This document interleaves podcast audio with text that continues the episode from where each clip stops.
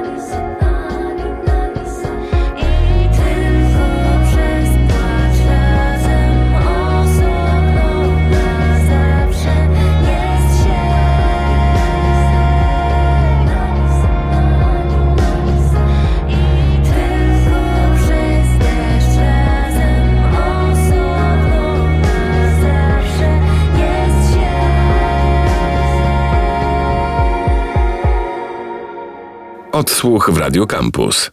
Nagisat za nami, Julia Kaczmarczyk cały czas e, z nami. To właśnie te dźwięki, które przed chwilą e, wpadły w wasze uszy, pochodzą właśnie od e, Julii. I kilka minut temu padło, że mm, Julia i pisze słowa, komponuje, Michał produkuje. A powiedz mi w tym procesie twórczym, bo mówiłaś, że często zaczynasz tworzyć, pisać e, piosenki przy pianinie.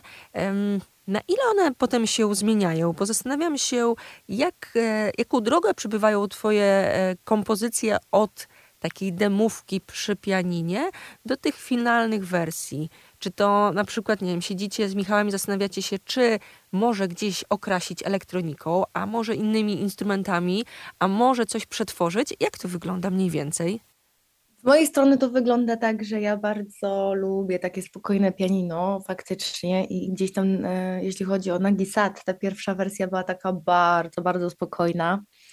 Em, ale jak już to oddaję, to, to faktycznie yy, no, gdzieś tam ta produkcja idzie w tą elektronikę. Ja też zresztą tak chciałam. Natomiast zawsze jest ten moment, czy, yy, czy nie za dużo jej, czy faktycznie trochę zabrać tego, yy, jak już tam są jakieś wersje. I, i, gdzieś tam y, też y, się zastanawiam, czy to nie, nie zabiera po prostu charakteru tego y, początkowego pomysłu. Natomiast myślę, że ostatecznie to wychodzi bardzo fajnie, bo y, i jakby Michał bierze pod uwagę też e, to, co ja chcę uzyskać, więc, więc gdzieś tam e, chyba jest mm, tak, jak w sumie powinno być, o może tak.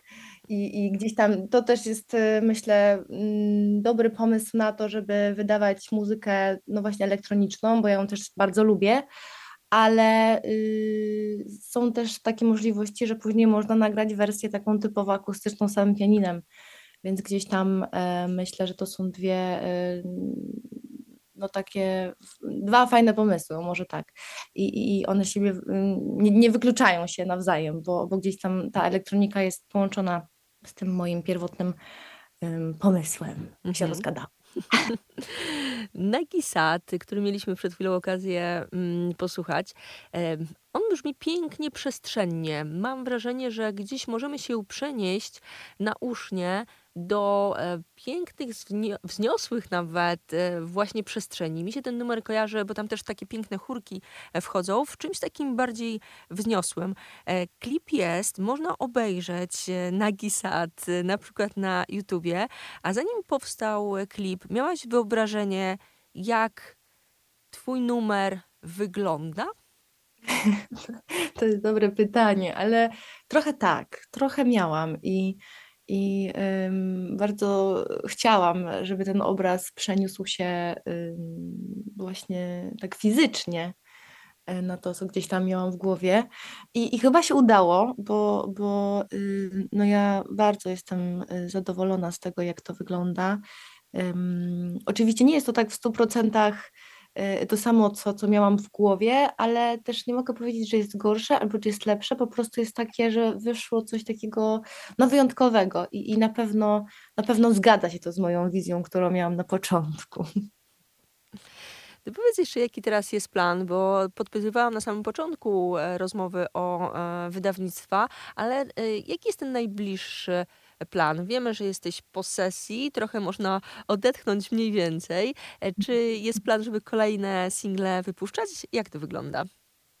To znaczy, teraz bym faktycznie chciała się skupić na, na wydaniu y, mini albumu, y, żeby to właśnie jeszcze tak było w tym roku. jak najszybciej. Ale y, właśnie chyba singli już teraz nie będę wydawać, po prostu wydam ten mini album i, i i tak, to jest taki najbliższy plan. Ale myślę, że na bieżąco się to będzie gdzieś tam pewnie pojawiać, bo, bo jakieś koncerty się szykują. Nie są one jeszcze też potwierdzone, natomiast y, myślę, że będę o tym też pisać na swoich kontach takich y, social mediowych. To polecamy e, sprawdzanie. Julia Kaczmarczyk była ze mną. Dziękuję bardzo. Bardzo dziękuję. Odsłuch w Radio Campus. Sponsorem audycji jest e-muzyka, operator platformy eMuseMe.